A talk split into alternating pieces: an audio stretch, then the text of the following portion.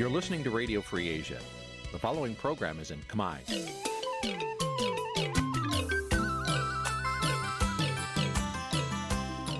នេះជាកម្មវិធីផ្សាយ Vuthu Azizi Serai នេះជាកម្មវិធីផ្សាយរបស់ Vuthu Azizi Serai ជាភាសាខ្មែរ Vuthu Azizi Serai សូមស្វាគមន៍លោកអ្នកនាងទាំងអស់ពីរដ្ឋធានី Washington នៃសហរដ្ឋអាមេរិក ចាប់ពីរដ្ឋធានី Washington នាងខ្ញុំម៉ៅសុធានីសូមជម្រាបសួរលោកអ្នកស្ដាប់ទាំងអស់ជាទីមេត្រី ចាយើងខ្ញុំសូមជូនការផ្សាយសម្រាប់ព្រឹកថ្ងៃសៅរ៍3កើតខែពិសាខឆ្នាំថោះបញ្ញស័ក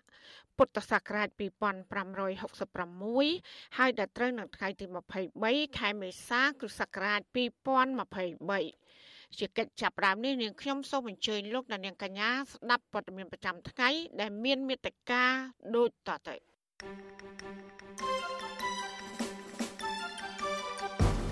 តឡាការក្រុងម៉ៃអាមីបើកសវនាការករណីមន្ត្រីជាន់ខ្ពស់ខ្មែរមួយរូបពីបទជួញដូរសត្វស្វាក្តាមកម្ពុជានិងរុស្ស៊ីឯកភាពជំរុញកិច្ចសហប្រតិបត្តិការរវាងស្ថាប័នបោះឆ្នោតនៃប្រទេសទាំងពីរជាប្រដ្ឋអះអាងថាអាញាធរឃុំត្រពាំងស្រែ ខົບខិតគ្នាបោះបង្គោលយកដីព្រែក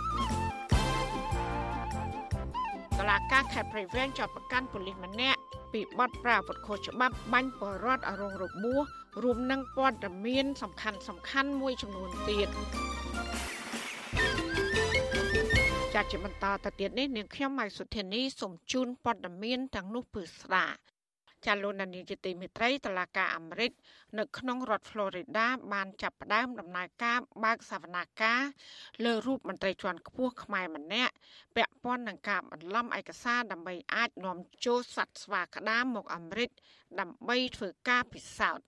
ក្នុងសវនាការនេះមានការដេញដោលលើផាត់តាំងបន្ថែមដែលបានរឹបអូសពីលោកគ្រីម៉ាផលពេលអាញាធរអាមេរិកបានខាត់ខ្លួនលោកកាលពីខែវិច្ឆិកាកន្លងទៅ ចាលោកនៅវណ្ណរិនដែលបានចោះទៅយកព័ត៌មានផ្ទាល់អំពីរឿងនេះមានសេចក្តីរាយការណ៍លម្អិតពីសវនាការក្នុងតុលាការក្រុងម៉ៃអាមីដូចតទៅបាទលោកនាងជាទីមេត្រីនៅព្រឹកថ្ងៃសុក្រនេះតុលាការក្រុងម៉ៃអាមីក្នុងរដ្ឋ Florida នៅសហរដ្ឋអាមេរិកបាននាំខ្លួនលោកគ្រីម៉ាផលមន្ត្រីជាន់ខ្ពស់នៃរដ្ឋាភិបាលកម្ពុជាដើម្បីបើកសវនាការជាលើកដំបូងលើករណីជួញដូរស្វាក្តាមខុសច្បាប់មកសហរដ្ឋអាមេរិក នៅក្នុងសវនាការថ្ងៃដំបូងនេះតុលាការផ្ដោតទៅលើផុសតាងដែលដាក់បន្ទុកបន្ថែមទៅលើមន្ត្រីជាន់ខ្ពស់ខ្មែររូបនេះដែលប្រមូលបាននៅពេលខាត់ខ្លួននឹងថាតើគួរបើកសវនាការនេះជាសាធារណៈឬបិទទ្វារតាមការស្នើសុំរបស់មេធាវីការពារក្តីឲ្យលោកគ្រីម៉ាផលដែលគេដឹងថាជួលដោយរដ្ឋាភិបាលលោកហ៊ុនសែនហើយចំណុចសំខាន់នៃការជជែកដេញដោលក្នុងសវនាការថ្ងៃនេះគឺទៅលើផុសតាងដែលប្រមូលបានពីលោកគ្រីម៉ាផល និងពាក្យសម្ដីរបស់លោកគ្រីម៉ាផលពេលខាត់ខ្លួននៅក្នុងអាកាសយានដ្ឋាន John F Kennedy នៅក្រុង New York ថាតើអាចយកមកបន្ថែមនៅក្នុងដំណើរការរឿងក្តីនេះដែរឬទេ ដោយមេធាវីការពារក្តីឲ្យលោកគ្រីម៉ាផលអះអាងថាសម្ដីរបស់លោកពេលនោះគឺมันអាចយកជាការបាននោះទេព្រោះថាកូនក្តីរបស់ខ្លួនមិនដឹងពីសិទ្ធិរបស់លោកក្នុងការរក្សាភាពស្ងៀមស្ងាត់នៅពេលគាត់ខ្លួនហើយលោកគ្រីម៉ាផល ក៏មិនសូវចេះនិយាយភាសាអង់គ្លេសនោះដែរប្រធាននាយកដ្ឋានសត្វព្រៃនិងជីវៈចម្រុះនៃក្រសួងកសិកម្មគឺលោកគ្រីម៉ាផលត្រូវបានចាប់ខ្លួននៅអាកាសយានដ្ឋានអន្តរជាតិនៅក្នុងក្រុងញូវយ៉កកាលពីខែវិច្ឆិកាឆ្នាំ2022កន្លងទៅ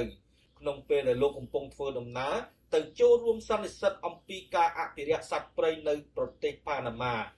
លោកគឺជាមន្ត្រីជាន់ខ្ពស់កម្ពុជាមួយរូប ក្នុងចំណោមពីររូបដែលរងការចោទប្រកាន់ពីតុលាការសហរដ្ឋអាមេរិកលើបទបន្លំឯកសារថាសត្វស្វាដែលនាំចូលមកសហរដ្ឋអាមេរិកគឺចិញ្ចឹមមិនមែនចាប់បានពីក្នុងព្រៃនោះទេចំណែកមន្ត្រីម្នាក់ទៀតគឺលោកកៅអូម៉ាលីសមានតួនាទីជាអគ្គនាយករដ្ឋបាលព្រៃឈើនៅក្នុងប្រទេសកម្ពុជា ដែលជាចៅហ្វាយនាយផ្ទាល់របស់លោកគ្រីម៉ាផល កំពុងរស់នៅមានសេរីភាពនៅក្នុងប្រទេសកម្ពុជានៅឡើយ ក្រសួងយុតិធម៌សហរដ្ឋអាមេរិកបានធ្វើការស៊ើបអង្កេតលើករណីជួញដូរសត្វស្វាក្តាមខុសច្បាប់នេះអស់រយៈពេល5ឆ្នាំមកហើយដោយទីភ្នាក់ងារសត្វព្រៃនិងជលផលអាមេរិកឬ US Fish and Wildlife Service ពីបទដុតពន្ធស្វាក្តាមដែលជាប្រភេទសត្វជិតផុតពូជដោយបានចាប់ពីក្នុងព្រៃនៃប្រទេសកម្ពុជាដើម្បីយកទៅលក់នៅសហរដ្ឋអាមេរិកតាមរយៈការបន្លំឯកសារចំនួនស្វានេះក៏មានពាក់ព័ន្ធទៅនឹងក្រុមហ៊ុននាំចេញ របស់ប្អូនស្រីរបស់លោកនាយករដ្ឋមន្ត្រីហ៊ុនសែនគឺលោកស្រីហ៊ុនសេនីផងដែរដែលជាម្ចាស់កសិដ្ឋានដ៏ធំនៅក្នុងខេត្តកំពង់ស្ពឺយោងតាមឯកសារដែលអាស៊ីសេរីបានទទួលមុនពេលធ្វើការចោទប្រកាន់ជាផ្លូវការនៅក្នុងឆ្នាំ2022ទៅលើមនុស្សចំនួន7រូបដែលរួមទាំងមន្ត្រីជាន់ខ្ពស់កម្ពុជា2រូបផងនោះក្រសួងយុទ្ធភ័ពអាមេរិកបានប្រមូលឯកសារជាង66ម៉ឺនឯកសាររួមទាំងវីដេអូឃ្លីបឯកសារផ្ទេរប្រាក់ និងវត្ថុតាមផ្សេងផ្សេងទៀតប្រសិនបើរកឃើញដោយការចោទនោះមែនមន្ត្រីកម្ពុជាទាំងពីររូបគឺលោកគ្រីម៉ាផល និងលោកកៅអូម៉ាលីអាចជាប់ពន្ធនាគារម្នាក់ម្នាក់ពី5ទៅ20ឆ្នាំនៅក្នុងសវនាការព្រឹកនេះលោកគ្រីម៉ាផល ដែលពាក់ខោអាវធំពណ៌ខ្មៅហាក់មានការផិតភ័យនិងរក្សាភាពស្ងៀមស្ងាត់មិនហ៊ាននិយាយស្ដីនោះទេ ក្នុងពេលដំណើរការសវនាការនេះហើយសវនាការនៅថ្ងៃដំបូងនេះក្រុងនឹងធ្វើឡើងពេញមួយថ្ងៃនៅថ្ងៃសុក្រ ចំណែកនៅក្រៅសវនាការវិញមានការប្រមូលផ្ដុំពីអ្នកស្រឡាញ់សត្វដែលមានឈ្មោះថាអង្គការមនុស្សសម្រាប់មើលថែសត្វប្រកបដោយសិលធម៌ឬភាសាអង់គ្លេសថា People for Ethical Treatment of Animal ឬហៅកាត់ថា PETA អ្នកស្រឡាញ់សត្វទាំងនោះប្រមាណ7-10នាក់បានកាន់បដាតវ៉ាឲ្យបញ្ឈប់នាំចូលសត្វស្វាខុសច្បាប់មកអាមេរិកដើម្បីធ្វើការពិសោធន៍អ្នកទាំងនោះបានស្នើឲ្យតុលាការបង្ហាញភស្តុតាងពីការស៊ើបអង្កេតទាំងនោះ ជាសាធារណៈដើម្បីឲ្យមានការទប់ស្កាត់ចំពោះចំនួនខុសច្បាប់លើជីវិតសត្វព្រៃដ៏កម្រទាំងនេះ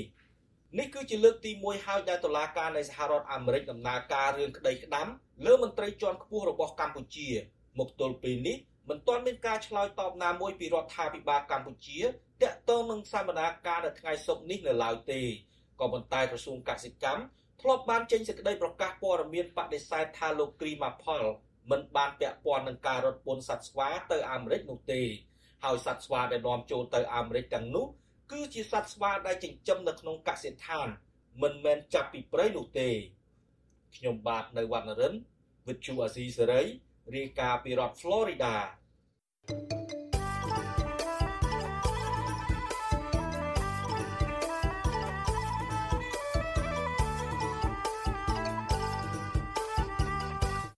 លោកអ្នកស្ដាប់ទទេសមេត្រីកម្ពុជារុស្ស៊ីបានឯកភាពគ្នាជំរុញកិច្ចសហប្រតិបត្តិការរវាងស្ថាប័នបោះឆ្នោតនៃប្រទេសទាំងពីរដើម្បីផ្លាស់ប្តូរអ្នកជំនាញការរៀបចំការបោះឆ្នោតការចាត់បញ្ជូនតំណាងដើម្បីពិនិត្យមើលការរៀបចំការបោះឆ្នោតនៅក្នុងរដ្ឋនៃភាគីប្រទេសនីមួយៗហើយនឹងការធ្វើសខាកាមរួមគ្នាជាដើម សេចក្តីប្រកាសព័ត៌មានរបស់គូជបឲ្យដឹងថាការឯកភាពនេះធ្វើឡើងក្នុងជំនួបរវាងប្រធានគណៈកម្មាធិការជាតិរៀបចំការបោះឆ្នោតគូជបលោកប្រាច័ន្ទនិងឯកអគ្គរដ្ឋទូតរុស្ស៊ីប្រចាំកម្ពុជា គឺលោកអាណាតូលីបូរ៉ូវិចកាលពីថ្ងៃទី20ខែមេសា លោកប្រាជ្ញាគូបញ្ជាក់ថាកោជបនឹងអញ្ជើញស្ថានទូតរុស្ស៊ីនៅកម្ពុជា ដើម្បីចូលរួមសង្កេតការបោះឆ្នោតជ្រើសតាំងតំណាងរាស្ត្រនីតិកាលទី7នៅថ្ងៃអាទិត្យទី23ខែកក្កដាខាងមុខទោះបីជាការបោះឆ្នោតកាន់តែខិតជិតមកដល់នេះប្រទេសប្រកាន់លទ្ធិប្រជាធិបតេយ្យជាច្រើនរួមមានរដ្ឋាភិបាលជប៉ុនបារាំងអង់គ្លេសអាល្លឺម៉ង់ និងប្រទេសមួយចំនួនទៀតនៅសហភាពអឺរ៉ុបក៏នៅមិនទាន់បញ្ជាក់ថាថាតើប្រទេសទាំងនោះនឹងបញ្ជូនឬក៏មិនបញ្ជូនអ្នកសង្កេតការបោះឆ្នោតមកកម្ពុជានៅឡើយដែរបើទោះបីជារដ្ឋាភិបាលកម្ពុជា បានស្នើសុំឲ្យបញ្ជូនអ្នកសង្កេតការបោះឆ្នោតនៅខែកក្កដាខាងមុខនេះក៏ដោយ អ្នកនាំពាក្យគណៈកម្មាធិការជាតិរៀបចំការបោះឆ្នោតកោជប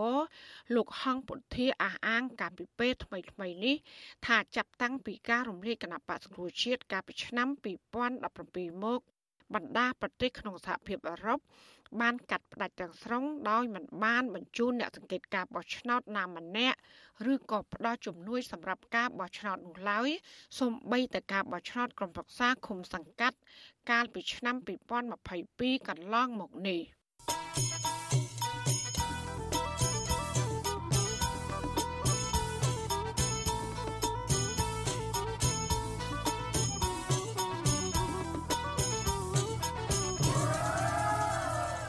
លោកដានៀងកញ្ញាកំពុងស្ដាប់ការផ្សាយរបស់វិទ្យុអសីស្រីផ្សាយចេញពីរដ្ឋធានី Washington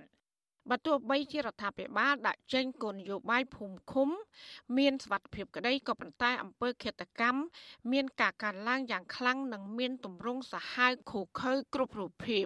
ចាពួកគាត់យល់ឃើញថាដើម្បីលុបបំបាត់អំពើប្រៃផ្សៃទាំងនេះឲ្យមានប្រសិទ្ធភាព លុះត្រាតែសង្គមកម្ពុជាបង្កើនការអប់រំសិលធម៌អនុវត្តច្បាប់ឲ្យបានស្មើភាព និងទប់ស្កាត់ចរាចរណ៍គ្រឿងញៀនព្រមទាំងគ្រឿងស្រវឹងជាដើមចាសសេចក្តីរាយការណ៍ពីស្ដាមពីរឿងនេះលោកដានៀងនឹងបានស្ដាប់នាពេលបន្តិចទៀតនេះចាលោកអ្នកស្ដាប់ជទិមេត្រីនៅខេត្តព្រៃវែងនៅនោះវិញប្រជាពលរដ្ឋរស់នៅឃុំត្រពាំងស្រែស្រុកមេសាំងអះអាងថាអាញាធរឃុំបានខុបខិតគ្នាជាមួយឈ្មួញខិលខូច លួចបោះបង្គោលនិងចាក់លុបយកដីព្រែកដែលជាសម្បត្តិរបស់រដ្ឋអាញាធរឃុំទទួលស្គាល់ថាពិតជាមានការចាក់ដីលុបព្រែកពិតមែនលោកសេកបណ្ឌិតរាជការជំវិញព័ត៌មាននេះប្រជាពលរដ្ឋចំនួន2ភូមិដែលស្ថិតនៅឃុំត្រពាំងស្រែស្រុកមេសាងខេត្តព្រៃវែងបានអះអាងប្រាប់បទសុអសីស្រីនៅថ្ងៃទី20ខែមេសាថា មានជនខិលខូចលួចបោះបង្គោល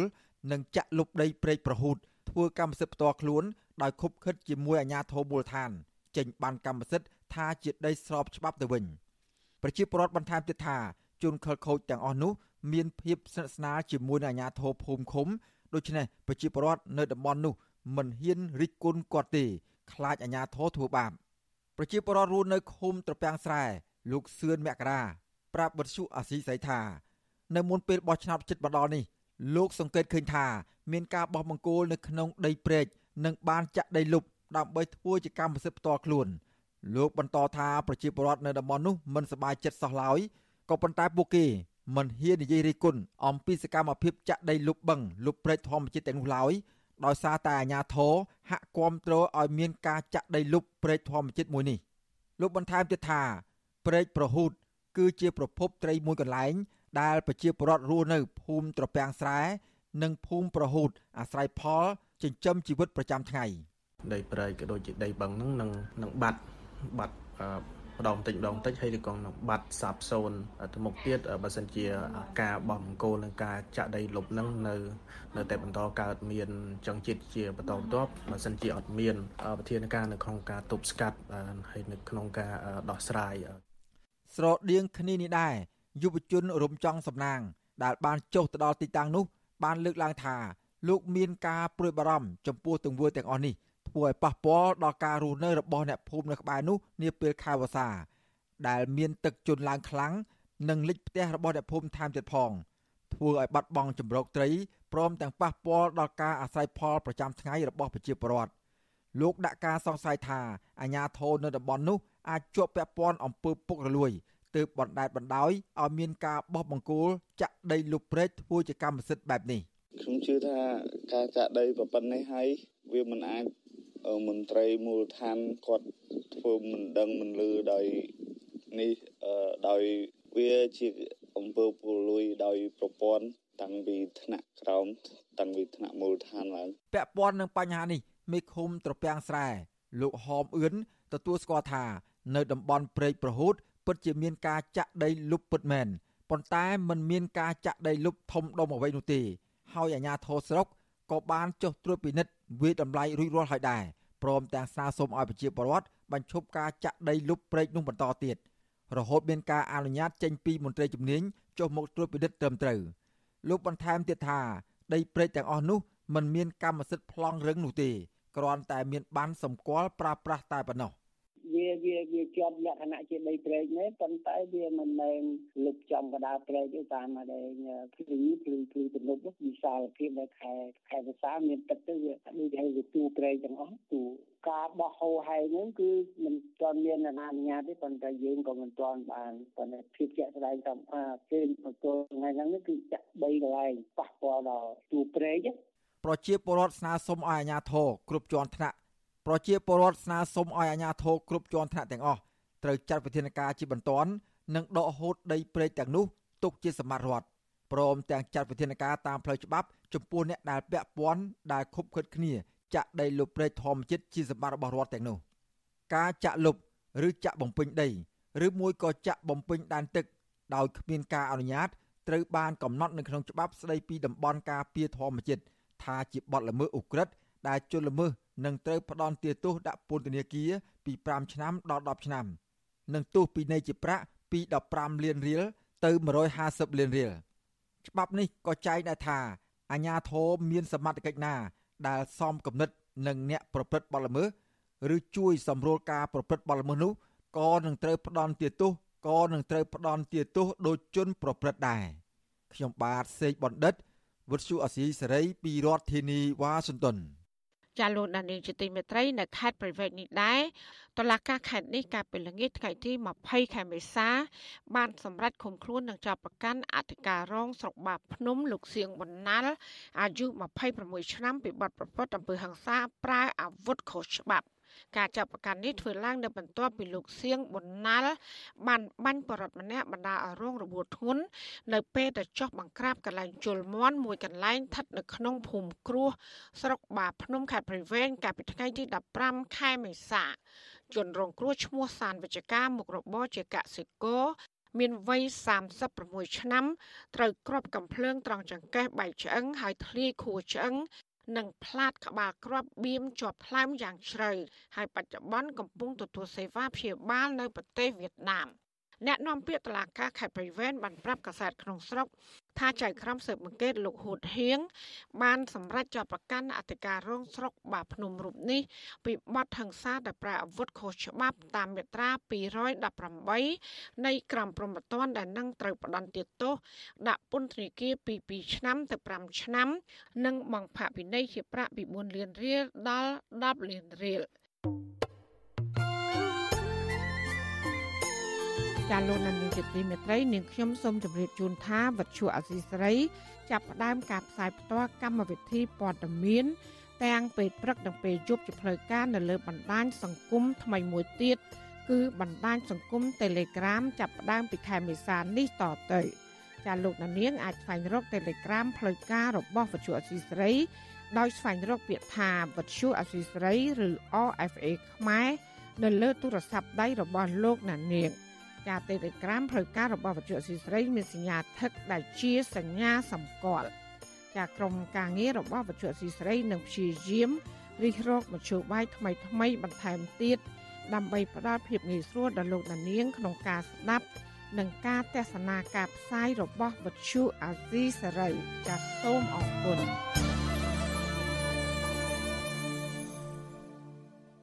ចាលោកដានៀងជាទីមេត្រីនៅឯខេត្តព្រះវិហារនៅវិញ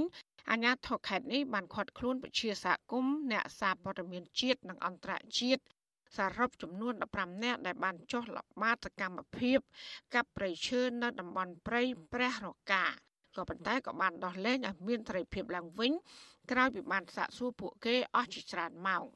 មន្ត្រីសង្គមស៊ីវិលចាត់ទុកការខាត់ខ្លួននេះថាជាទង្វើខុសច្បាប់ហើយថាហាក់ដូចជាជួយលាក់បាំងបទល្មើសព្រៃឈើ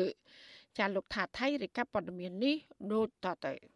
មន្ត្រីដែនជំរកសត្វព្រៃព្រះរកានៅក្នុងខេត្តព្រះវិហារនៅព្រឹកថ្ងៃទី21មេសាបានឃាត់ខ្លួនប្រជាសហគមន៍សកម្មជនបរិស្ថាននិងអ្នកសារព័ត៌មានបរទេសសរុបចំនួន15នាក់សួរនាំនិងបង្ខំឲ្យចេញពីតំបន់ព្រៃព្រះរកាដែលជាតំបន់មានការកាប់បំផ្លាញព្រៃឈើច្រើន ការឃាត់ខ្លួននេះ គឺធ្វើឡើងខណៈដែលពួកគាត់ចូលព្រៃព្រះរកាដើម្បីប្រមូលភស្តុតាងពីបញ្ហាបទល្មើសព្រៃឈើនៅក្នុងភូមិសាស្ត្រស្រុកត្បែងមានជ័យខេត្តព្រះវិហារទោះជាយ៉ាងណានៅល្ងាចថ្ងៃដដែលនេះអ្នកទាំង15នាក់បានយល់ព្រមចាក់ចេញពីព្រៃហើយមកដល់ភូមិប្រមេក្នុងស្រុកត្បែងមានជ័យវិញហើយដោយពុំមានការខាត់ខាំងពីមន្ត្រីបរិស្ថានទៀតឡើយសកម្មជនបរិស្ថានដែលមន្ត្រីបរិស្ថានបានខាត់ខ្លួននោះរួមមានលោកសាន់ម៉ាឡាលោកម៉ាចត្រាកញ្ញាងូនយ៉ាមវតីលោកមេងក្រួយពន្លក និងអ្នកកសែតអង់គ្លេស2នាក់អ្នកបកប្រែម្នាក់ព្រមទាំងប្រជាសហគមន៍ជនជាតិដើមភាគតិចគួយមួយចំនួនទៀតសកម្មជនបរិស្ថានលោកម៉ាចត្រាប្រាប់វិទ្យុអាស៊ីសេរីថានៅព្រឹកថ្ងៃទី21មេសាមន្ត្រីឧទ្យានុរក្សព្រៃព្រះរកា2នាក់នៅក្នុងតំបន់91ក្នុងស្រុកជាំខ្សានបានឃាត់ខ្លួនរួចសួរនាំនិងបង្ខំឲ្យក្រុមលោកឲ្យទៅស្នាក់ការមន្ត្រីនៅតំបន់នោះដើម្បីសួរនាំបន្ថែមក៏ប៉ុន្តែលោកថាក្រុមរបស់លោក មិនព្រមហើយបានទាមទារឲ្យមានការជជែកគ្នានៅស្នាក់ការរបស់ប្រជាសហគមន៍វិញ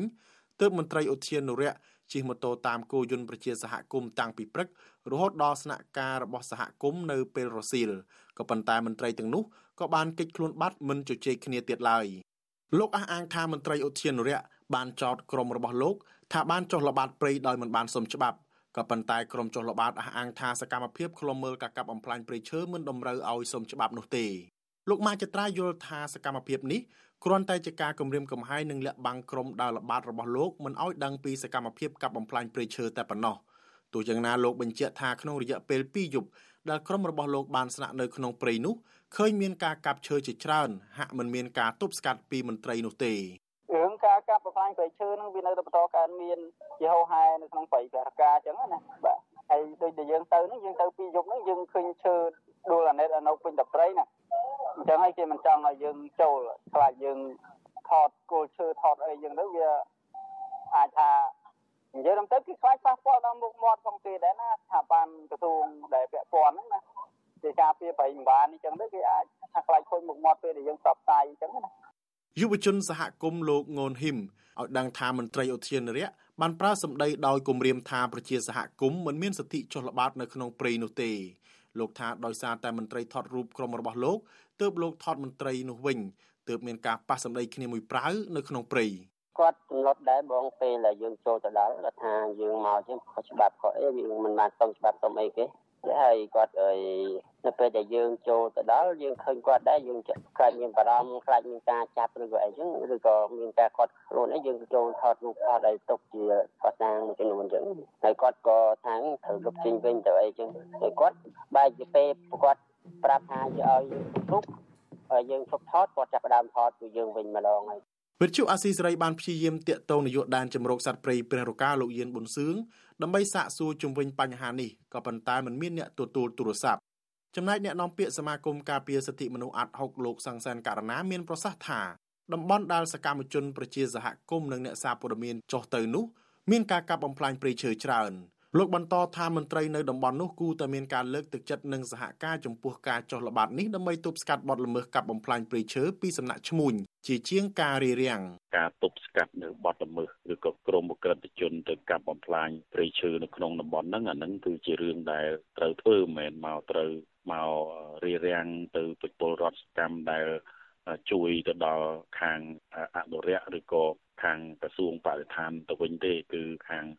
ពួកគាត់នេះគឺមិនមិនសមនឹងមានការរារាំងណាប្រជាសហគមន៍និងសកម្មជនបរិស្ថានបានចាត់ទុកទង្វើរបស់មន្ត្រីបរិស្ថាន ថាជាការបំបិទសិទ្ធិរបស់ពួកគាត់នេះមិនមែនជារឿងថ្មីទេដែលអាជ្ញាធរជាពិសេសមន្ត្រីបរិស្ថាន បានព្យាយាមរារាំងខាត់ខ្លួននិងធ្វើទុកបុកម្នេញដល់ប្រជាសហគមន៍សកម្មជនបរិស្ថាននិងអ្នកកសែតដែលព្យាយាមលាតត្រដាងពីបទល្មើសព្រៃឈើពួកគាត់ជំរុញឲ្យអាជ្ញាធរគួរតែបើកទូលាយឲ្យសកម្មជនអាចចូលល្បាតព្រៃដោយសេរី ហើយមន្ត្រីទាំងនោះគួរតែព្យាយាមទប់ស្កាត់និងអនុវត្តច្បាប់ចំពោះអ្នកកាប់បំផ្លាញព្រៃឈើវិញទើបអាចការពារព្រៃឈើដែលនៅសេសសល់ចុងក្រោយនេះខ្ញុំថាថៃពីទីក្រុងមែលប៊ន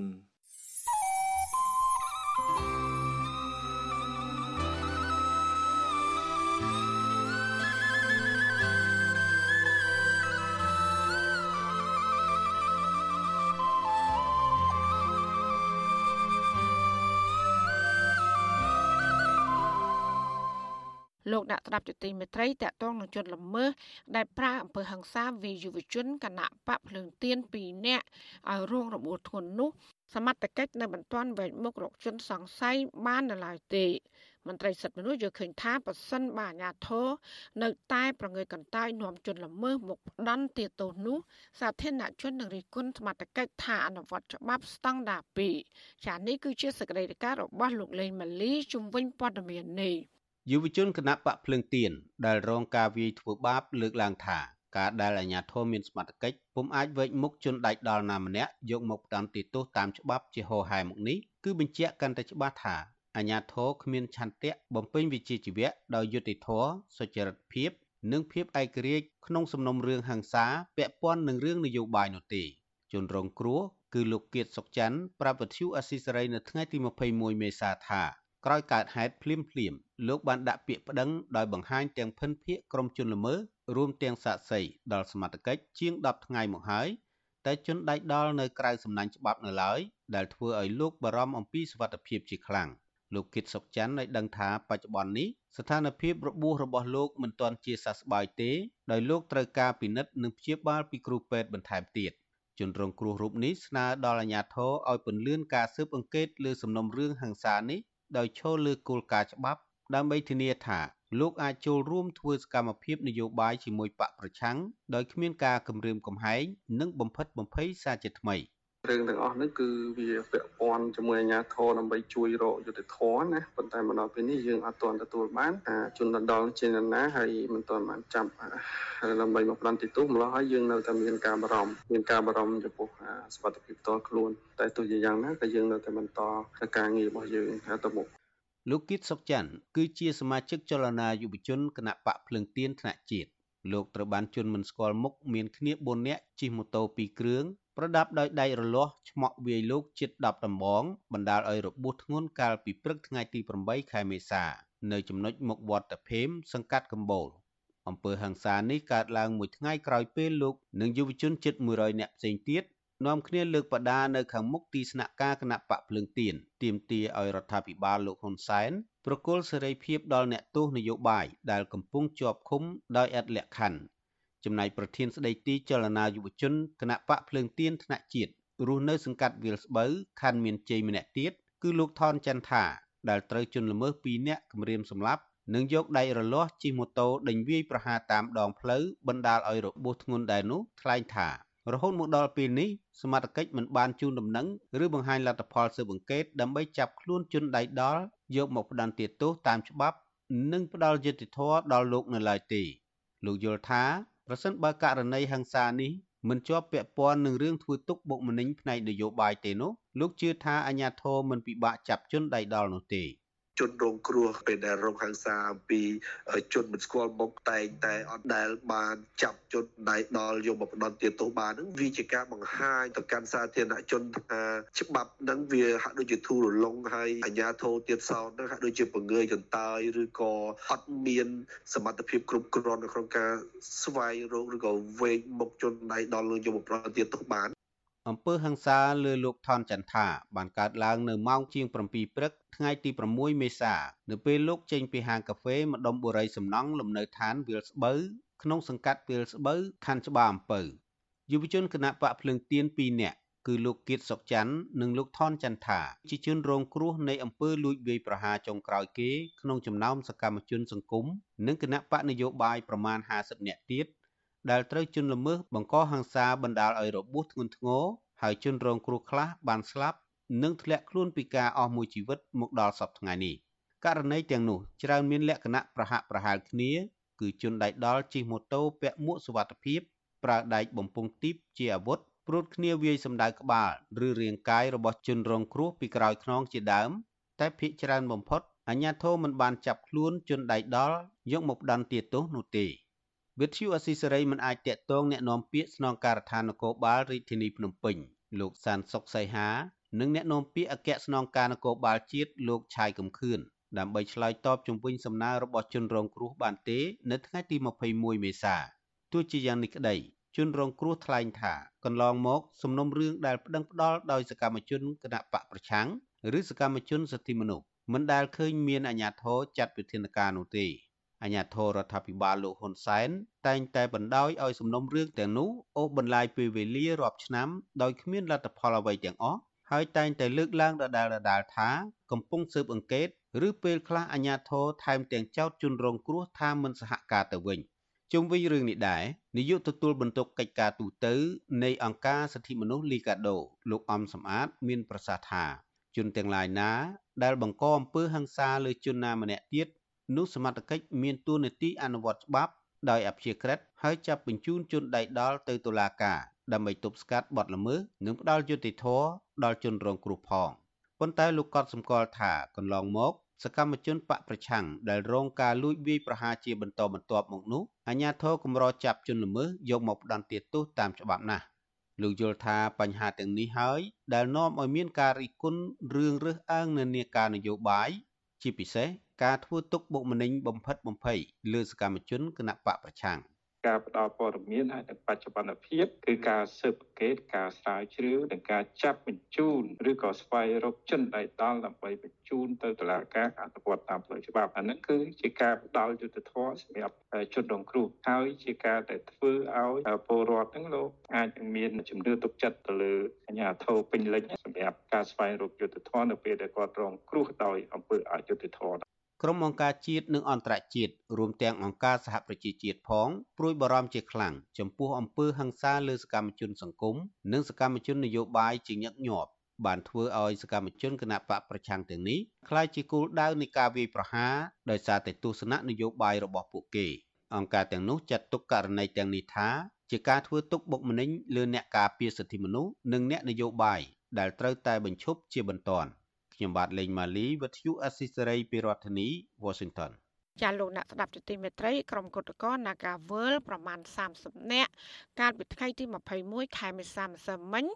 បានបន្តទៀមទានៅខាងមុខក្រុមហ៊ុនបនលបៃមួយនេះដើម្បីឲ្យថៅកែដោះស្រាយវិវាទការងារដែលនៅជាប់គាំងជាង1ឆ្នាំមកហើយ ពួកគាត់បានឈរស្រែកទាមទាររកយុត្តិធម៌នៅតាមរបងខាងមុខក្រុមហ៊ុនដោយប្រើឧបករណ៍បំពងសម្លេង រួមទាំងវីស្កូដើម្បីឲ្យតកែក្រុមហ៊ុន ចេញមកដោះស្រាយវិវាទការងារពួកគេកាន់បដាមួយចំនួន ក្នុងនោះមានបដាពណ៌ខ្មៅមួយដែលបានសរសេរថាអង្គើយុទ្ធធរត្រូវតែឈ្នះអង្គើអយុត្តិធម៌និងយកឈ្នះភាពភ័យខ្លាចដើម្បីយុត្តិធម៌គឧតកោ Nagawal ម្នាក់គឺកញ្ញាច័ន្ទស្រីរត ប្រាប់អជុអសីស្រីថាកញ្ញានៅតែបន្តធ្វើកុតកម្មរហូតទាល់តែមានដំណោះស្រាយដែលអាចទទួលយកបានកញ្ញាបន្តថាការធ្វើកុតកម្មនេះគឺមិនទទួលបានការបង្គាប់បញ្ជាពីនរណាម្នាក់ហើយក៏មិនបានស៊ីឈ្នួលធ្វើបដកម្មនោះដែរ។ឃើញ ថាវិវាទការងារនេះមើលទៅស្ថាប័នពាក់ព័ន្ធដូចជាក្រសួងការងារហ្នឹងមិនមានលទ្ធភាពសម្រាប់ឲ្យដោះស្រាយវិវាទការងារនឹងបានទេអញ្ចឹងគឺមានតែសម្ដេចពុកសម្ដេចប្រមុខនៃរដ្ឋាភិបាលរបស់យើងជួយជំរុញឲ្យថាកែ Nagawal ដោះស្រាយវិវាទឲ្យពួកខ្ញុំជាកម្មករខ្មែរកុំទុកដូចជាដំបៅមហារាជព្រោះពួកខ្ញុំប៉ះពាល់សេដ្ឋកិច្ចខ្លាំងណាស់ព្រោះពួកខ្ញុំចេញមកនេះពួកខ្ញុំ ប្រើលុយសុទ្ធខ្លួនឯងមិនបានទៅស៊ីឈ្នួលបាតកម្មដូចអ្វីដែលគេចោទនោះទេគឺពួកខ្ញុំចែកគ្នាហូបចង់និយាយថាពួកខ្ញុំមានឪពុកម្ដាយមានបងប្អូនទោះបីជាពួកខ្ញុំអត់មានការងារធ្វើក៏ពួកខ្ញុំត្រឹមតែមកបាក់បាយ3ពេលក៏ពួកខ្ញុំអត់ដាច់ពោះស្លាប់ដែរក្រុមគុតកោបានធ្វើគុតកម្មទាមទារឲ្យតកែក្រុមហ៊ុនដោះស្រាយវិវាទការងាររយៈពេលជាង1ឆ្នាំមកហើយក៏ប៉ុន្តែនៅមិនទាន់មានដំណោះស្រាយ ប៉ុន្តែអាជ្ញាធរនិងក្រុមហ៊ុនបានរួមគ្នាចាត់ប្រកាន់ហើយនឹងចាប់ខ្លួនតំណាងកម្មករដាក់គុកជាបន្តបន្ទាប់ដូចជាកញ្ញាឈឹមស៊ីធដែលពេលនេះកំពុងស្ថិតនៅក្នុងពន្ធនាគារប្រៃសណជាដើមកន្លងទៅក្រុមអង្គការនិងសហជីពជាតិអន្តរជាតិព្រមទាំងប្រទេសប្រជាធិបតេយ្យផងសុទ្ធតែបានចាត់ទុក ថាការចាប់ប្រកាន់និងការចាប់ខ្លួនតំណាងសហជីពក្រុមហ៊ុន Nagawer នេះគឺជារឿងអយុត្តិធម៌និងទាមទារឲ្យទម្លាក់ការចាប់ប្រកាន់និងដោះលែងកញ្ញាឈឹមស៊ីធដោយឥតលក្ខខណ្ឌចាលោកនាងកញ្ញាកំពុងស្ដាប់ការផ្សាយរបស់វិទ្យុអសីស្រីផ្សាយចេញពីរដ្ឋធានី Washington ដំណើរគ្នានឹងស្ដាប់ការផ្សាយរបស់វិទ្យុអសីស្រីតាមបណ្ដាញសង្គម Facebook និង YouTube លោកនាងកញ្ញាក៏អាចស្ដាប់ការផ្សាយរបស់វិទ្យុអសីស្រី តាមរលកធាតុអាកាសខ្លីឬ short wave តាមកម្រិតនិងកម្ពស់ដូចតទៅចាប់ពេលព្រឹកចាប់ពីម៉ោង5កន្លះដល់ម៉ោង6កន្លះតាមរយៈប៉ុស SW 12.14 MHz ស្មើនឹងកម្ពស់ 25m ចាប់ប៉ុស SW 13.71 MHz ស្មើនឹងកម្ពស់ 22m ចាសម្រាប់ពេលយប់វិញចាប់ពីម៉ោង7កន្លះដល់ម៉ោង8កន្លះតាមរយៈប៉ុស SW 9.33 MHz ស្មើនឹងកម្ពស់ 32m ប៉ុស SW 11.88 MHz ស្មើនឹងកម្ពស់ 25m និងប៉ុស SW 12.14 MHz ស្មើនឹងកម្ពស់ 25m ចាសសូមអរគុណ ចាលោកដានីកញ្ញាកំពុងស្ដាប់ការផ្សាយរបស់វិទ្យុអសីស្រីផ្សាយចេញពីរដ្ឋធានី Washington ចាប់ព្រែកមួយខ្សែប្រវែងរាប់រយគីឡូម៉ែត្រដែលបន្សល់តាំងពីសម័យបារាំងក្នុងខេត្តស្វាយរៀងទល់នឹងខេត្តព្រៃវែងត្រូវបានភៀកគីវៀតណាមកាន់កាប់បន្ថែមទៀតក្រោយដែលកម្ពុជានិងវៀតណាមបានបោះបង្គោលព្រំដែនកាលពីឆ្នាំ2017ក្នុងពេលដែលកម្ពុជាមានវិបត្តិនយោបាយ មន្ត្រីសង្គមស៊ីវិលបញ្យល់ថានៅគ្រាដែលប្រទេសណាមួយ មានចំនួននយោបាយផ្ទៃក្នុង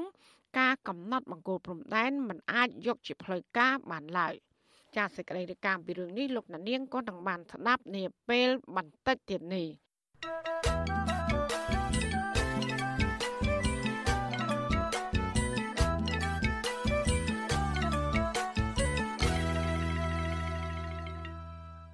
ចាលោកអ្នកស្ដាប់យុតិមេត្រីអ្នកវិភាគនិងមន្ត្រីគណៈបកប្រឆាំងរីគុណការសម្រេចរបស់លោកហ៊ុនសែនដែលមិនតម្រូវឲ្យប្រទេស បញ្ជូនប្រតិភូកីឡាករមកប្រកួតកីឡាស៊ីហ្គេមនៅកម្ពុជានោះចំណាយលើថ្លៃស្នាក់នៅនិងហូបចុកដោយលោកហ៊ុនសែនអះអាងថាចង់បង្ហាញបេះដូងដ៏ទូលាយរបស់កម្ពុជា ក៏ប៉ុន្តែមន្ត្រីបពប្រឆាំងយល់ឃើញថាលោកហ៊ុនសែនគ្រាន់តែចង់លើកមុខមាត់ខ្លួនឯងប៉ុណ្ណោះនិងធ្វើឲ្យប្រទេសជាតិខាតបង់ប្រាក់ចំណូលខណៈដែលកម្ពុជាជាប្រទេសក្រីក្រនិងជំពាក់បំណុលបរទេសកើនឡើងពីមួយឆ្នាំទៅមួយឆ្នាំចាលោកជាតិចំណានមានសេចក្តីរាយការណ៍ជំវិញព័ត៌មាននេះមន្ត្រីគណៈបកប្រឆាំងថានឹងមិនជំទាស់ការលើកមុខមាត់ប្រទេសជាតិតាមរយៈការមិនគិតកម្រៃទៅលើការហូបចុក និងស្នាក់នៅរបស់ក្រុមប្រតិភូកីឡាករដែលមកពីប្រទេសអាស៊ីអាគ្នេយ៍ឡើយប្រសិនបើកម្ពុជាជាប្រទេសអ្នកមានហើយពលរដ្ឋមានជីវភាពទូធាមានការងារធ្វើដោយមិនចាំបាច់ចំណាក់ស្រុកនិងមានសេដ្ឋកិច្ចជឿនលឿនដូចប្រទេសក្នុងតំបន់អតីតតំណាងរាជគណៈបកសង្គ្រោះជាតិលោកអ៊ុំសំអានប្រាប់វិសុអាស៊ីសេរីនៅថ្ងៃទី21ខែមេសាថាវាមិនមែនជារឿងដែលគួរឲ្យកោតសរសើរឡើយនៅពេលដែលរដ្ឋាភិបាលលោកហ៊ុនសែននៅបន្តខ្ចីបំណុលពីបរទេសជាពិសេសប្រទេសចិនមកអភិវឌ្ឍប្រទេសជាតិ រួមទាំងការចំណាយខ្ជះខ្ជាយនៅអំពើពុករលួយហើយប្រជាពលរដ្ឋកំពុងគ្មានការងារធ្វើអ្នកខ្លះជំពាក់បំណុលគ្មានលទ្ធភាពសងហើយកំពុងប្រឈមការរឹបអូសពីធនាគារជាពិសេសប្រទេសកម្ពុជា ជាប្រទេសក្រីក្រជាងប្រទេសថៃនិងវៀតណាមទៅទៀតនោះបែរជាលោកហ៊ុនសែនសម្រាប់ជួយចំណាយជំនួសឲ្យប្រទេសដែលមានសេដ្ឋកិច្ចជឿនលឿនជាងកម្ពុជាទៅវិញ។ ប្រទេសក្រតូចតាចហ្នឹងប៉ុន្តែបេះដូងធំមិនមិនមែនមិនមែនអញ្ចឹងទេគឺគាត់ចង់លើកមុខមាត់គាត់ខ្លួនឯងផ្ទាល់ក៏ប៉ុន្តែអត់បានគិតពីប្រជាបរតមកគិតពីប្រទេសជាតិដែលជាប្រទេសក្រីក្រកំពុងដើរជាពាក់លុយគេដូច្នេះខ្ញុំមិនគ្រប់គ្រងនៅចំណុចនោះនោះទេនៅពេលដែលយើងជាប្រទេសក្រីក្រនោះប្រតិកម្មរបស់មន្ត្រីគណៈបកប្រឆាំងនៅពេលនេះធ្វើឡើងបន្ទាប់ពីលោកហ៊ុនសែនបានប្រកាសកាលពីថ្ងៃទី20ខែមេសានៅក្នុងពិធីសម្ពោធអាគារដាក់ឲ្យប្រើប្រាស់នៅមន្ទីរពេទ្យកុមារជាតិ ថាការសម្រេចចិត្តមិនគិតថ្លៃស្នាក់នៅនិងហូបចុករបស់ក្រុមអត្តពលិកបរទេសដែលមកចូលរួមប្រកួតក្នុងព្រឹត្តិការណ៍ SEA Games លើកទី32និង ASEAN Para Games លើកទី12ដែលកម្ពុជាធ្វើជាម្ចាស់ផ្ទះលើកដំបូងនេះដើម្បីបង្ហាញទៅពិភពលោកថាប្រទេសកម្ពុជាតូចតែមានបេះដូងធំហើយកម្ពុជាក៏មិនមែនជាប្រទេសដែលមានវិបត្តិខ្វះម្ហូបអាហារនិងស្បៀងឡើយលោកនាយករដ្ឋមន្ត្រីហ៊ុនសែនបន្តថានេះគឺជាប្រវត្តិសាស្ត្រដំបូងបំផុតដែលម្ចាស់ផ្ទះមិនគិតកម្រៃការហូបចុកនិងស្នាក់នៅ យើងធ្វើខុសប្លែកពីគេ គឺទោះបីលក្ខណៈតម្រូវក៏ប៉ុន្តែកម្ពុជា ជាប្រទេសតូចប៉ុន្តែបេះដូងវាធំណាស់វេស្តាដាមគ្មានប្រទេសណាមួយឲ្យចូលទេកម្ពុជាឲ្យចូល សងគ្រោះមនុស្សរាប់ពាន់នាក់នៅលើនាវាវេស្តាមឥឡូវកម្ពុជាទទួលកីឡាករដែលចូលប្រកួតស៊ីហ្គេមដោយមិនមានការបង់ថ្លៃដោយដែលប្រទេសដទៃធ្លាប់យកទេព្រឹត្តិការណ៍ស៊ីហ្គេមនិងអាស៊ានប៉ារ៉ាហ្គេមដែលមានព្រឹត្តិភូកីឡាករចូលរួមជាង12000នាក់ ក្នុងនោះព្រឹត្តិភូកីឡាករម្ចាស់ផ្ទះកម្ពុជា មានជាង1000នាក់នឹងធ្វើឡើងនៅថ្ងៃទី5ដល់ថ្ងៃទី17ខែឧសភាខាងមុខនេះតាមលក្ខខណ្ឌក្រុមប្រទេសដែលបញ្ជូនកីឡាករមកប្រកួតគឺត្រូវចំណាយ50ដុល្លារក្នុងមួយថ្ងៃសម្រាប់កីឡាករម្នាក់ទៅឲ្យម្ចាស់ផ្ទះលើថ្លៃហូបចុកនិងស្នាក់នៅក្រៅពីការមិនយកកម្រៃនេះរដ្ឋាភិបាលលោកហ៊ុនសែនក៏មិនគិតកម្រៃលក់សម្បត្តិសម្រាប់អ្នកមកទស្សនាដែលជាជនបរទេសដែរហើយបណ្ដាញផ្សព្វផ្សាយបរទេសទាំងអស់ក៏ទទួលសិទ្ធិផ្សាយផ្ទាល់ដោយមិនគិតថ្លៃបណ្ដាញសារព័ត៌មានក្នុងស្រុក បានចុះផ្សាយថាការមិនគិតថ្លៃហូបចុកនិងស្នាក់នៅរបស់កម្ពុជាបានជួយឲ្យគណៈកម្មការស៊ីហ្គេមវៀតណាមសល់ប្រាក់ជាង40ម៉ឺនដុល្លារកម្ពុជាបានរងចាំអស់រយៈពេល64ឆ្នាំដើម្បីធ្វើជាម្ចាស់ផ្ទះរៀបចំព្រឹត្តិការណ៍កីឡាដ៏ធំមួយនេះក្នុងនោះរដ្ឋាភិបាលលោកហ៊ុនសែនបានចំណាយលុយអស់រាប់រយលានដុល្លារដែលទទួលជំនួយពីកម្ចីបរទេសដើម្បីយកមកសាងសង់ហេដ្ឋារចនាសម្ព័ន្ធផ្សេងៗដើម្បីបម្រើឲ្យការរៀបចំព្រឹត្តិការណ៍កីឡាស៊ីហ្គេមនេះកម្ពុជាបានចំណាយលុយអស់ជិត160លានដុល្លារ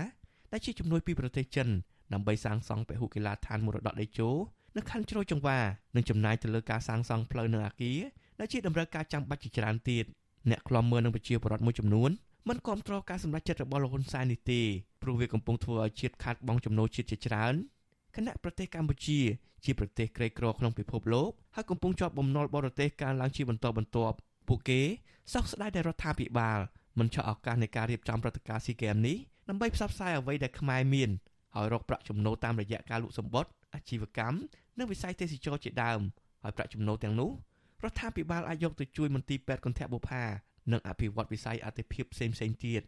យោងតាមរបាយការណ៍បំណុលពីក្រសួងសេដ្ឋកិច្ចនិងហិរញ្ញវត្ថុបានប្រកាសថាគិតត្រឹមឆ្នាំ2022កម្ពុជាបានជំពាក់បំណុលបរទេសកើនដល់ជាង9000លានដុល្លារក្នុងនោះ41%គឺជំពាក់ប្រទេសចិនបំណុលទាំងនេះភាគច្រើនកម្ពុជាយកទៅប្រើប្រាស់សម្រាប់ការអភិវឌ្ឍប្រព័ន្ធធារាសាស្ត្រ ហេដ្ឋារចនាសម្ព័ន្ធនិងស្ពានជាដើមអ្នកស្រាវជ្រាវការអភិវឌ្ឍសង្គមបណ្ឌិតសេងសេរីយល់ឃើញថាលោកហ៊ុនសែនបានសម្រេចចិត្តតាមបែបបរោះខ្លាំងនិងបែបអត្តនោម័តនិងធ្វើតាមអារម្មណ៍និងដំណួតដើម្បីបង្ហាញថាលោកមានដៃទូលាយទោះខ្លួនជាមេដឹកនាំប្រទេសក្រីក្រក៏ដោយលោកបន្តថាបើមើលតាមចិត្តសាស្ត្រវិញចាប់តាំងពីផ្ទុះជំងឺ Covid-19 និងបន្ទាប់ពីត្រូវមិត្តចិនពោលសរសើរថាជាបរិះខ្លាំងដើរបញ្ច្រាស់ទិសនោះ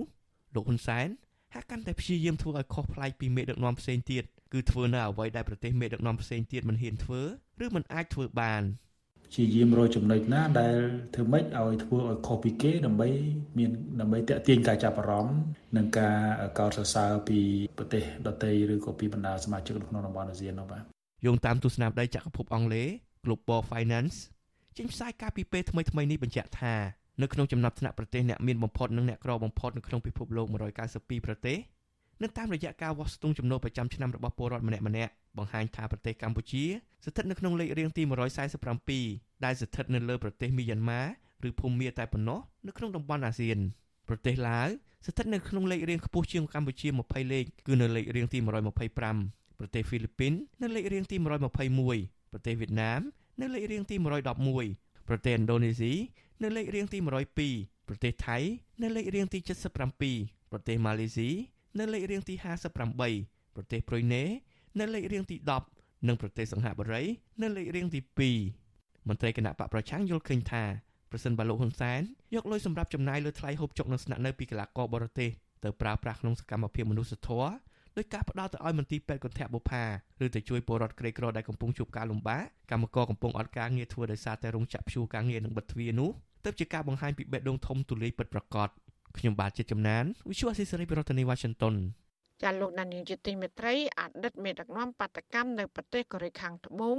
និងជាមនុស្សចំណិតលោកកឹមសុខាម្នាក់គឺលោកយឹមសេណនបានសម្រេចចិត្តសុំចុះចូលជីវភាពនយោបាយជាមួយគណៈបកប្រជាជនកម្ពុជា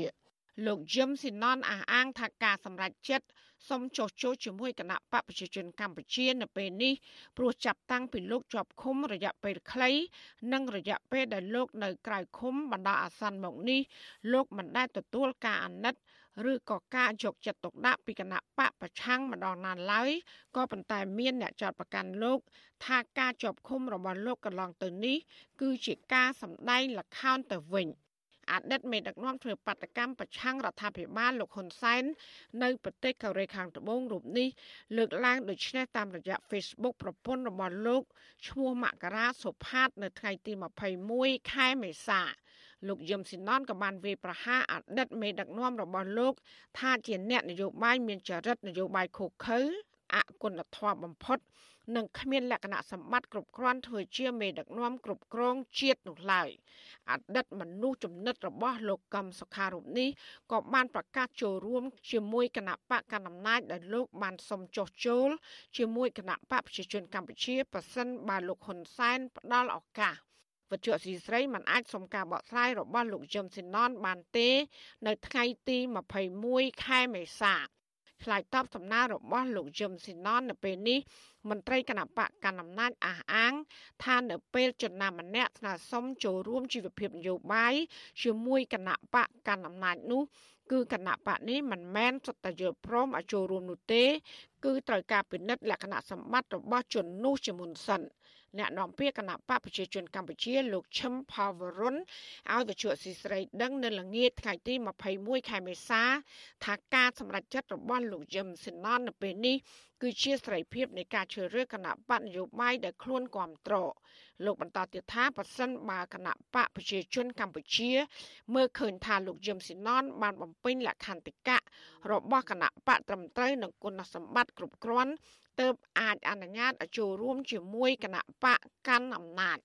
គេអាចមានសិទ្ធិសេរីភាពផ្លាស់ប្ដូរពីគណៈបកមួយទៅគណៈបកមួយហើយអាហ្នឹងវាជារឿងធម្មតាឯរឿងគុណច្បាប់និងការងារនិងទស្សនៈនយោបាយគឺខណ្ឌបុគ្គលម្នាក់ម្នាក់ដែលជាសមាជិកសមាជិកាគណៈបកត្រូវគ្រប់គោលការណ៍នយោបាយនិងលក្ខន្តិកៈគណៈបកទៅព្រោះតែមានអីទៀតយើងជាគណៈបកនៅក្នុងក្របខ័ណ្ឌជាតបតៃសេរីគូបកមានតែការរៀបរៀងការជ្រើសរើសនិងការផ្លាស់ប្ដូរណា ទោះបីជាមន្ត្រីគណៈបកកណ្ដាលអំណាចអះអាងបែបនេះក្តីក៏ប៉ុន្តែកន្លងមកនៅពេលសកម្មជនឬមន្ត្រីបកប្រឆាំងឬក៏អ្នកនយោបាយមកពីគណៈបកណាក្តីដែលសុំចោះចូល ជាមួយគណៈបកកណ្ដាលអំណាចនោះគឺគណៈបកនេះមិនដែលប្រកែកទេ មានតែធ្វើពិធីទទួលយ៉ាងសមរម្យនិងផ្ដល់ទួនាទីក្នុងជួររដ្ឋាភិបាលឲ្យអ្នកចោះចូលទាំងនោះផងក៏មាន អ្នកវិភាគនយោបាយលោកបណ្ឌិតសេងសេរីបដូចអ្នកនយោបាយដែលទៅចោះចូលជាមួយគណៈបកកណ្ដាលអំណាចថាជាជំងឺ Covid-19 ប្រភេទថ្មី គឺប្រភេទចោះចូលលោកលើកឡើងបែបទីតងទៀតថាបើទោះបីជំងឺប្រភេទនេះបានឆ្លងទៅមេតបអាយធំរបស់លោកកឹមសុខាទៅហើយក្តីក៏ប៉ុន្តែមិនទាន់ឆ្លងទៅលោកកឹមសុខានៅឡើយទេដោយសារតែលោកជាប់ធ្វើចតាលិស័ក27ឆ្នាំនៅក្នុងផ្ទះ។ យើងចាប់ផ្ដើមចេញពីគណៈបកខ្មែរស្រឡាញ់ជាតិមកដែលហើយដំណាក់កាលបន្ទាប់មកទៀតមានលោកដិតចុងសង្គមាលោកដិតសំអ៊ិនដែលមកពីគណៈបកប្រជាធិបតេយ្យមូលដ្ឋានហើយឥឡូវហ្នឹងវារៀលមកដល់លោកយឹមស៊ីណនដែលជាយុវជនស្នូលសំខាន់របស់លោកកឹមសុខាហើយខ្ញុំគិតថាប្រហែលជាមានបន្តទៀតនៅក្នុងចំណោមអ្នកដែលគ្រប់គ្រងលោកកឹមសុខាហ្នឹងនឹងអាចមានអ្នកចូលរួមបន្តទៅទៀតចឹងហើយបានខ្ញុំបរៀបបដូចការចោះចូលនៅក្នុងគណៈបកប្រជាជន នេះវាដូចជាជំងឺឆ្លង ចេញពីបកមួយចូលបកមួយលោកយឹមស៊ីណនត្រូវបានលោកនាយករដ្ឋមន្ត្រីហ៊ុនសែនបញ្ជាឲ្យសមត្ថកិច្ចចាប់ខ្លួននឹងដៃគូរបស់លោកម្នាក់ទៀតគឺលោកហ៊ុនកុសលកាលពីថ្ងៃទី21ខែមីនា បន្ទាប់ពីពួកគាត់បានបង្ហោះសារតាមបណ្ដាញសង្គមពាក់ព័ន្ធនឹងរូបភាពដែលចោទថាលោកហ៊ុនសែនមានអំណាចជាងព្រះមហាក្សត្រក្នុងពេលដែលចូលរួមបរិយាពិធីប្រទានព្រះអគិជ័យកៃឡានៅខេត្តសៀមរាប ទោះយ៉ាងណាលោកហ៊ុនសែនក៏បានអនុញ្ញាតឲ្យលោកយឹមស៊ីណននៅក្រៅឃុំវិញ កាលពីថ្ងៃទី28ខែមីនាវិញក្រោយពីអតីតមេបដកម្មនិងជាសកម្មជនបកប្រឆាំងដ៏លេចធ្លោម្នាក់ដែលនិយមខាងលោកកឹមសុខាបានបង្ហោះវីដេអូសំទោសលោកនាយករដ្ឋមន្ត្រីហ៊ុនសែនចេញពីពន្ធនាគារ កាលពីប្រមាណឆ្នាំមុនក៏មានការបង្ហោះសារសម្លេងបែកធ្លាយដែលគេសង្ស័យថាជាសម្លេងលោកយឹមស៊ីណនសន្ទនាជាមួយអតីតសកម្មជនបពប្រឆាំងដែលងាកមកគ្រប់គ្រងគណៈបកកណ្ដាលអំណាចវិញ គឺកញ្ញាធីសវណ្ថា ដែលនិយាយអំពីការរៀបចំសម្រួលរបស់កញ្ញា ដើម្បីអាចឲ្យលោកយឹមស៊ីណនបានជួបជាមួយកូនប្រុសរបស់លោកនាយករដ្ឋមន្ត្រីហ៊ុនសែន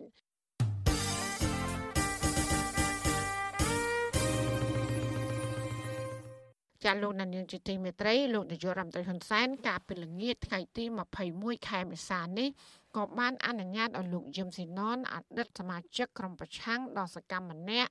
ភរិយាលោកនិងកូនចូលជួបសម្ដែងការគួសមរយៈពេលជាង2ម៉ោង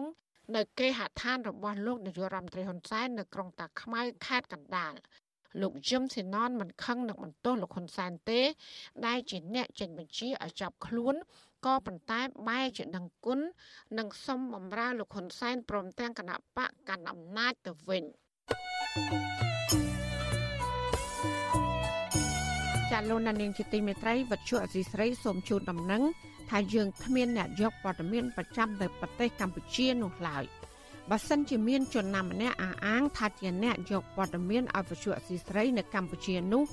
គឺជាការក្លែងបន្លំយកឈ្មោះរបស់វិទ្យុអសីស្រី ក្នុងគោលបំណងទុច្ចរិតរបស់បុគ្គលនោះចាសសូមអរគុណ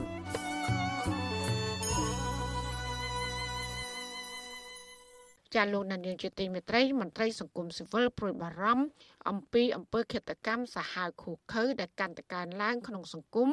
បើទោះបីជារដ្ឋាភិបាលដាក់ចេញគោលនយោបាយភូមិឃុំ មានសវត្ថភាពក្តី ពួកគាត់យល់ឃើញថាដើម្បីលុបបំបាត់អំពើទាំងនេះឲ្យមានប្រសិទ្ធភាពនោះ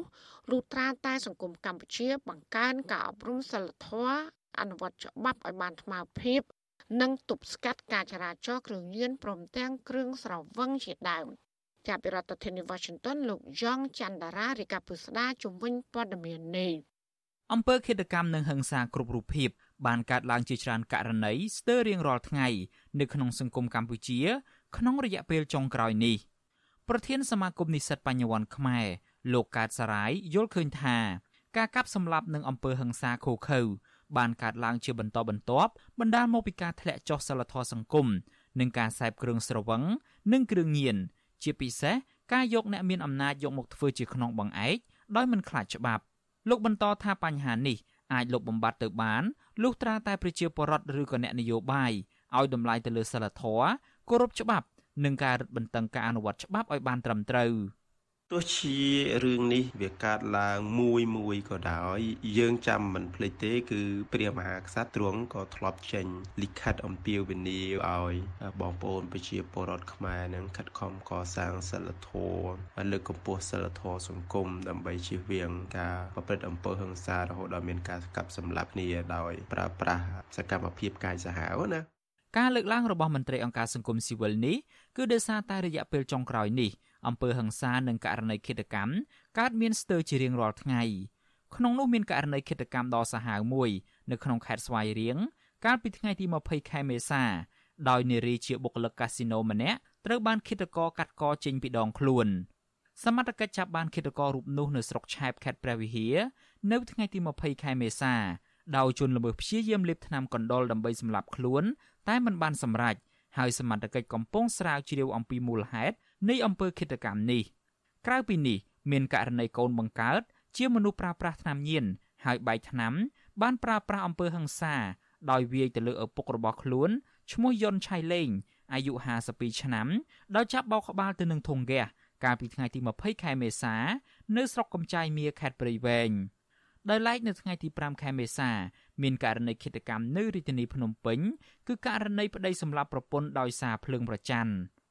ជុំវិញរឿងនេះប្រធានសមាគមការពារសិទ្ធិមនុស្សអាត6លោកនីសុខាយល់ឃើញថាកត្តាចម្បងដែលធ្វើឲ្យមានករណីឃាតកម្មកាន់តែកើនឡើងនេះគឺបណ្ដាលមកពីការប្រើប្រាស់គ្រឿងញៀនគ្រឿងស្រវឹងនិងការអនុវត្តច្បាប់ធូររលុងដែលបង្កើតឲ្យមានបញ្ហានីតិរដ្ឋភាពឬឲ្យជនប្រព្រឹត្តរួចផុតពីសំណាញ់ច្បាប់ ប្រសិនបើអំពើនឹងវាចេះតែកើតមានហើយអ្នកដែលប្រព្រឹត្តបទល្មើសនឹងវាចេះតែរួចផុតពីសំណាញ់ច្បាប់យើងមានការព្រួយបារម្ភចំពោះបញ្ហាជាពលរដ្ឋអស់ជំនឿទៅលើអត្តកិច្ចអស់ជំនឿទៅលើអាជ្ញាធរវាអាចថាប្រជាពលរដ្ឋបង្កើតតឡាការដោយខ្លួនឯងវាអាចធ្វើឲ្យសង្គមមានបញ្ហាអសន្តិសុខកាន់តែខ្លាំងបាទនេះជាការព្រួយបារម្ភរបស់យើងបាទការប្រាស្រ័យអំពើហិង្សានិងកាប់សម្លាប់នេះក៏បានកើតមានឡើងទៅលើមន្ត្រីគណៈបកប្រឆាំងនិងសកម្មជនផងដែរមានដូចជាការលួចវាយនឹងដំបងដែក ការព្រួតគ្នាវាយនិងកាប់ដោយកំបិតដែលធ្វើឲ្យជនរងគ្រោះខ្លះពិការនិងខ្លះទៀតបាត់បង់អាយុជីវិតទោះជាយ៉ាងណា នៅក្នុងករណីហិង្សាផ្នែកនយោបាយទាំងនេះអាជ្ញាធរមិនបានចាប់អ្នកប្រព្រឹត្តឲ្យមកទទួលខុសត្រូវចំពោះមុខច្បាប់នោះទេមន្ត្រីអង្គការសង្គមស៊ីវិលរួមទាំងប្រជាពលរដ្ឋព្រួយបារម្ភថាប្រសិនបើករណីឃាតកម្មនិងអំពើហិង្សាឃោឃៅបែបនេះនៅតែកើតមានក្នុងសង្គមកម្ពុជាទៀតនោះ វានឹងប៉ះពាល់ទៅដល់សន្តិសុខសង្គមហើយវានឹងកែប្រែប្រទេសកម្ពុជាឲ្យទៅជាប្រទេសដែលគ្មានសុវត្ថិភាពខ្ញុំយ៉ងច័ន្ទដារា Virtual Azizi Serai Washington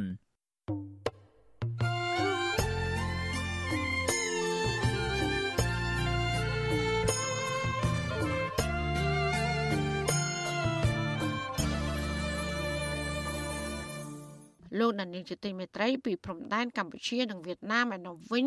ព្រែកមួយខ្សែប្រវែងរាប់រយគីឡូម៉ែត្រដែលបន្សល់តាំងពីសម័យបារាំងក្នុងខេត្តស្វាយរៀងទល់នឹងខេត្តព្រៃវែងនោះត្រូវបានភាគីវៀតណាមកាន់កាប់បន្ថែមទៀតក្រោយពីកម្ពុជានិងវៀតណាមបានបោះបង្គោលព្រំដែនកាលពីឆ្នាំ2017ក្នុងពេលដែលកម្ពុជាមានវិបត្តិនយោបាយ មន្ត្រីសង្គមស៊ីវិលបញ្យល់ថា នៅគ្រាដែលប្រទេសណាមួយ មានចំនួននយោបាយផ្ទៃក្នុង ការកំណត់បង្គោលព្រំដែនរដ្ឋមិនអាចយកជាផ្លូវការបានឡើយចាលោកជាតិចំណាន មានសក្តិវិការដាច់ដライមួយទៀតជំវិញព័ត៌មាននេះដូចតទៅព្រែកមួយខ្សែដែលបន្សល់ទុកតាំងពីសម័យបារាំងហើយបានជីកឲ្យប្រើប្រាស់ឡើងវិញនៅសម័យខ្មែរក្រហមមានប្រវែងជាង100គីឡូម៉ែត្រស្ថិតនៅក្នុងខេត្តស្វាយរៀងនិងខេត្តព្រៃវែង ត្រូវបានរដ្ឋាភិបាលវៀតណាមគ្រប់គ្រងទាំងស្រុងក្នុងរយៈពេល6ឆ្នាំចុងក្រោយនេះបច្ចុប្បន្នព្រែកនេះអាញាធរនៃប្រទេសទាំងពីរបានធ្វើផ្លូវក្រវ៉ាត់ព្រំដែនរួចរាល់ហើយក្នុងរយៈពេល3ឆ្នាំកន្លងទៅនេះក៏ប៉ុន្តែការកំណត់ព្រំដែនបានចូលទៅលើទឹកដីខ្មែរបន្ថែមទៀតនៅប៉ែកខាងជើងនៃព្រែកហើយព្រែកមួយនេះរបូតទៅភាគីវៀតណាមជាអ្នកកាន់កាប់ស្របពេលដែលមង្គលព្រំដែនចាស់ដែលបន្សល់តាំងពីសម័យបារាំងនៅឆ្ងាយពីព្រែកនេះប្រវែងរាប់សិបគីឡូម៉ែត្រ ដែលលយចូលទៅក្នុងទឹកដីកម្ពុជាក្រោមដែលវៀតណាមគ្រប់គ្រងនៅពេលបច្ចុប្បន្នយុវជនដែលចុះសិក្សាពីបញ្ហាព្រំដែនលោកសឿនពិសិដ្ឋយល់ថារដ្ឋាភិបាលគួរតែបកស្រាយឲ្យបានច្បាស់លាស់លើរឿងនេះដើម្បីជំរះមន្ទិលជូនពលរដ្ឋខណៈដែលការកំណត់បង្គោលព្រំដែនកន្លងទៅហាក់ធ្វើឡើងដោយលាក់លៀមនិងបិទបាំងព័ត៌មានលោកថាបញ្ហានេះ គឺជាចំណុចដែលគួរឲ្យសង្ស័យដែលលោកនឹងមិនទាន់ទុកចិត្តរដ្ឋាភិបាលនៅឡើយទេរដ្ឋាភិបាលគួរតែបើកចិត្តទូលាយអនុញ្ញាតឲ្យយុវជនយើងតាមដានរឿងបញ្ហាព្រំដែននេះនិងបញ្ចេញមតិនៅតាម social media ហើយនឹងចូលរួមទស្សនកិច្ចសិក្សាពីតំបន់ព្រំដែនហ្នឹងឲ្យបានផុសផុលយើងអត់មានប្រៀបដូចវៀតណាមទេនៅពេលដែលយុវជនយើងទៅទស្សនកិច្ចសិក្សាឬយល់ដឹងអំពីព្រំដែនឃើញថាអាញាធររបស់វៀតណាមបានមករៀបរៀងមកខាត់ដំណើររបស់យុវជនយើងជាញឹកញយជាច្រើនដង ព្រែកមួយខ្សែនេះមានទទឹងជាង20ម៉ែត្រនិងប្រវែងជាង100គីឡូម៉ែត្រលាតសន្ធឹងពីខេត្តព្រៃវែងរហូតដល់ខេត្តស្វាយរៀងឆ្លងកាត់ស្រុកស្វាយជ្រុំនិងស្រុកស្វាយរៀងអ្នកស្រុកខ្លះបានហៅព្រែកនេះថាព្រែកតែអងដែលបានជីកស្តារព្រែកនេះឲ្យជ្រៅងាយស្រួលក្នុងការធ្វើកសិកម្មនិងទាញទឹកមកប្រើប្រាស់ជាដើមអ្នកស្រុកថាមុនឆ្នាំ2010បង្គោលព្រំដែននៅតំបន់នោះនៅឆ្ងាយពីព្រែកនេះដោយលយចូលទៅដល់ទឹកដីវៀតណាមបច្ចុប្បន្នជាច្រើនគីឡូម៉ែត្រក៏ប៉ុន្តែក្រោយពីអាញាធរនៃប្រទេសទាំងពីរ បានបោះបង្គោលរួចរាល់អាញាធរវៀតណាមនិងខ្មែរបានសង់ប៉ុស្តិ៍ព្រំដែនគៀកមាត់ព្រែកនេះទាំងសងខាងពលរដ្ឋដែលរស់នៅតាមតំបន់ព្រំដែនខេត្តស្វាយរៀងថ្លែងសុំមិនបញ្ចេញឈ្មោះនិងសម្លេងប្រាប់វិទ្យុអេស៊ីសរ៉ៃថាការបោះបង្គោលព្រំដែនកន្លងទៅ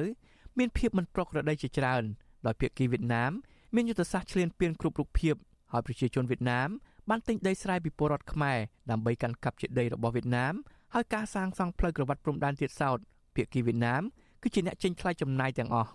បន្ថែមពីនេះក្រោយពីការបោះបង្គោលព្រំដែនរួចអាជ្ញាធរវៀតណាមបានសង់ផ្ទះជាច្រើនខ្នងដើម្បីលើកទឹកចិត្តឲ្យប្រជាជនរបស់គេមករស់នៅគៀកព្រំដែនក្នុងគោលបំណងជារនាំងឈ្លានពានទឹកដីវិសុវអាស៊ីសេរីមិនអាចតាក់ទងសុំការបំភ្លឺរឿងនេះពីអ្នកនាំពាក្យសាលាខេត្តស្វាយរៀងលោករស់សុផារិតបាននៅឡើយទេនៅថ្ងៃទី20ខែមេសាចំណែកទេសរដ្ឋមន្ត្រីទទួលបន្ទុកបេសកកម្មពិសេសនៃកិច្ចការព្រំដែនលោកវ៉ាកំហុងក៏មិនអាចសុំការបំភ្លឺបានដែរដោយហៅទូរស័ព្ទចូលជាច្រើនដងតែគ្មានអ្នកលើក ក៏ប៉ុន្តែកន្លងទៅគណៈកម្មាធិការកិច្ចការព្រំដែនកម្ពុជាបានផ្ដាំឲ្យក្រមយុវជននិងពលរដ្ឋមួយចំនួនគុំគិតថារដ្ឋាភិបាលមិនគិតគូរពីបូរណភាពទឹកដីរបស់ប្រទេសខ្លួនហើយមិនស្រឡាញ់ជាតិឲ្យសោះទេសរដ្ឋមន្ត្រីទទួលបន្ទុកកិច្ចការព្រំដែនលោកវ៉ាកំហុងថ្លែងថាគណៈកម្មការព្រំដែនមានទូនាទីអនុវត្តកិច្ចការងារនេះនិងការពីបូរណភាពទឹកដីខ្មែរឲ្យបាន100%ត្រឹមត្រូវតាមច្បាប់ជុំវិញរឿងនេះប្រធានក្រុមប្រឹក្សាខ្លំមើលកម្ពុជានៅប្រទេសណ័រវេសលោកម៉ែនណាតសង្កេតឃើញថា ការកំណត់បង្គោលព្រំដែនក្នុងពេលកម្ពុជាកំពុងមានវិបត្តិនយោបាយដែលធ្វើឲ្យមានចំណុចសង្ស័យពីភាពមិនប្រក្រតីច្រើនដែលរដ្ឋាភិបាលលាក់បាំងនិងគម្រាមពលរដ្ឋមិនឲ្យនិយាយរឿងនេះលោកថាការកំណត់បង្គោលព្រំដែនគួរតែផ្អែកតាមបង្គោលចាស់ដែលបន្សល់តាំងពីសម័យបារាំងដែលមានចំនួន124បង្គោលដែលរដ្ឋាភិបាលគួរតែផ្ទៀងផ្ទាត់ឡើងវិញនៅបញ្ហានេះ។ យើងមានការសោកស្ដាយតែมันគួរមានមេដឹកនាំយើងធ្វើការដោះដូរជាមួយវៀតណាមដោយធ្វើឈិនឆៃហើយក្រោមអំណាចខ្លាចរបស់វៀតណាមរឿងដែលมันប្រក្រតីការបោះបង្គោលព្រំដែនការធ្វើសន្ធិសញ្ញាព្រំដែនជាមួយវៀតណាមកន្លងទៅវាធ្វើឡើងក្នុងភាពมันប្រក្រតីហើយធ្វើឡើងនៅពេលដែលកម្ពុជាយើងវាមានវិបត្តិនយោបាយ ទៅថ្ងៃក្រោយទៅបើមានរដ្ឋាភិបាលអីត្រឹមត្រូវអាហ្នឹងយើងធានាក្នុងការសាររើអាចជំរុញការប្តឹងផ្តល់អីទៅតុលាការអន្តរជាតិផងពលរដ្ឋបន្ថែមថាខេត្តមួយចំនួននៅជាប់ព្រំដែនជាមួយប្រទេសវៀតណាមដូចជាខេត្តកំពត ស្វាយរៀងព្រៃវែងតាកែវត្បូងឃ្មុំនិងខេត្តមណ្ឌលគិរីជាដើមមានបញ្ហាប្រឈមជាច្រើនរួមមានការបោះបង្គោលព្រំដែនគ្មានដំណាភាពនិងគ្មានយន្តការការពារព្រំដែនឲ្យបានច្បាស់លាស់ជាដើមទន្ទឹមនឹងនេះពលរដ្ឋដែលរស់នៅតាមបណ្ដោយព្រំដែន ត្អូញត្អែពីការបាត់បង់ស្រែរបស់ពួកគេទៅឲ្យវៀតណាមជាអ្នកគ្រប់គ្រងជាច្រើនហិកតាបន្ថែមពីនេះទៀតដីខ្មែរដែលវៀតណាមបានបំពេញយកនៅរយៈពេលប្រមាណឆ្នាំចុងក្រោយនេះអាញាធរវៀតណាមបានក្តាប់យ៉ាងណែននិងបញ្ជូនពលរដ្ឋគេឲ្យទៅរស់នៅថែមទាំងស្ថាបនាហេដ្ឋារចនាសម្ព័ន្ធយ៉ាងច្រើនស្កេកស្កះទៀតផងកម្ពុជាមានព្រំដែនជាប់នឹងប្រទេសវៀតណាមប្រវែង1245គីឡូម៉ែត្រដែលត្រូវបោះបង្គោលព្រំដែនសរុបចំនួន371បង្គោលបច្ចុប្បន្នប្រទេសទាំងពីរ បានបោះបង្គោលព្រំដែនរួចរាល់ចំនួន315បង្គោលឬស្មើនឹង84%ហើយនៅសល់បង្គោលចំនួន56ទៀតស្ថិតនៅក្នុងខេត្តរតនគិរីមណ្ឌលគិរីត្បូងឃ្មុំស្វាយរៀងកណ្ដាលនិងខេត្តតាកែវខ្ញុំបាទជាចំណាន Visual Assisray ពីរដ្ឋធានី Washington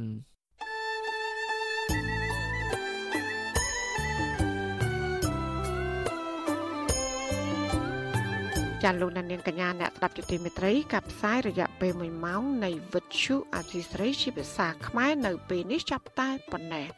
ចាយើងខ្ញុំទាំងអស់គ្នាសូមជូនពរលោកនាងព្រមទាំងក្រុមគូសាទាំងអស់សូមជួបប្រកបតែនឹងសេចក្តីសុខសេចក្តីចម្រើន ជានិរន្តរ៍